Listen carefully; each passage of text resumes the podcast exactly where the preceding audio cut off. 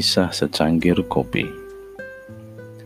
Suatu hari, di sebuah universitas terkemuka, sekelompok alumnus bertamu di rumah dosen senior setelah bertahun-tahun mereka lulus. Setelah mereka semua menggapai kesuksesan, kedudukan yang tinggi, serta kemapanan ekonomi dan sosial, Sesaat setelah saling menyapa dan berbahasa basi, masing-masing mereka mulai mengeluhkan pekerjaannya. Jadwal yang begitu padat, tugas yang menumpuk, dan banyak beban lainnya yang sering membuat mereka stres. Sejenak sang dosen masuk ke dalam. Beberapa saat kemudian, beliau keluar sambil membawa nampan di atasnya teko besar berisikan kopi, dan berbagai jenis cangkir. Ada cangkir-cangkir keramik Tiongkok yang mewah, cangkir-cangkir kristal, cangkir-cangkir melamin, dan ada pula cangkir plastik.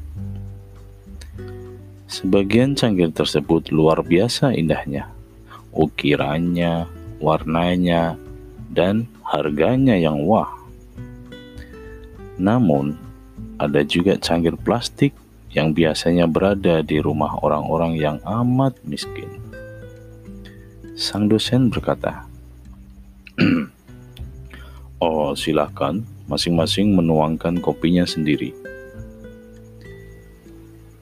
Setiap mahasiswa memegang cangkirnya. Sang dosen berkata, "Tidakkah kalian perhatikan bahwa hanya cangkir-cangkir mewah saja yang kalian pilih? Kalian enggan mengambil cangkir-cangkir yang biasa. Manusiawi sebenarnya. Saat masing-masing dari kalian berusaha mendapatkan yang paling istimewa. Namun, sering kali itulah yang membuat kalian menjadi gelisah dan stres. Sejatinya yang kalian butuhkan adalah kopi, bukan cangkirnya.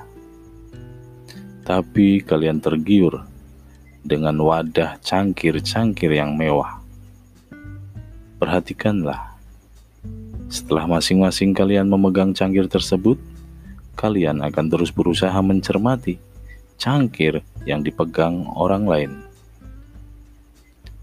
Andaikan kehidupan adalah kopi, maka pekerjaan, harta, dan kedudukan sosial adalah cangkir-cangkirnya. Jadi, Hal-hal itu hanyalah perkakas yang membungkus kehidupan. Adapun kehidupan atau kopi itu sendiri, ya tetap itu-itu saja, tidak berubah. Saat konsentrasi, kita tersedot kepada cangkir, maka saat itu pula kita akan kehilangan kesempatan untuk menikmati kopi. Karena itu, kunasihatkan pada kalian Jangan terlalu memperhatikan cangkir, tapi nikmatilah kopinya.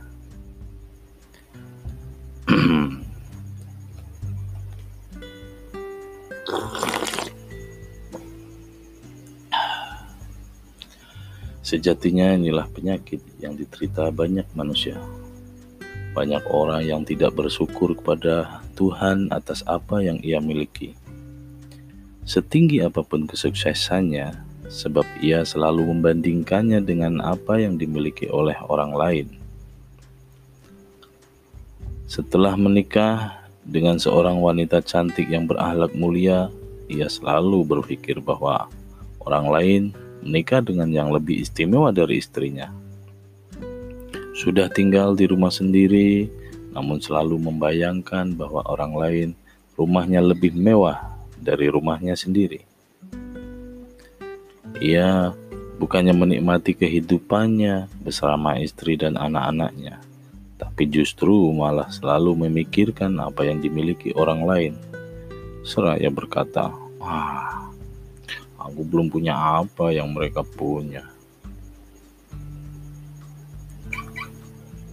Seseorang bijak berpetuah, alangkah anehnya manusia mereka korbankan kesehatan untuk mengumpulkan harta sebanyak-banyaknya. Setelah terkumpul, gantian mereka gunakan harta tersebut untuk mengembalikan kesehatannya yang telah hilang. Mereka selalu memikirkan masa depan, namun lupa hari ini. Akibatnya, mereka tidak menikmati hari ini dan tidak pula di masa depan. Mereka senantiasa melihat apa yang dimiliki orang lain, namun tak pernah melihat apa yang dimilikinya sendiri. Walhasil, ia tidak bisa meraih apa yang dimiliki orang lain dan tidak pula bisa menikmati miliknya sendiri. Mereka diciptakan untuk satu tujuan, yaitu beribadah. Dunia diciptakan untuk mereka gunakan sebagai sarana beribadah. Namun justru sarana tersebut malah melalaikan mereka dari tujuan utama. Mari kita nikmati kopi kehidupan, apa pun cangkirnya. Salam seruput.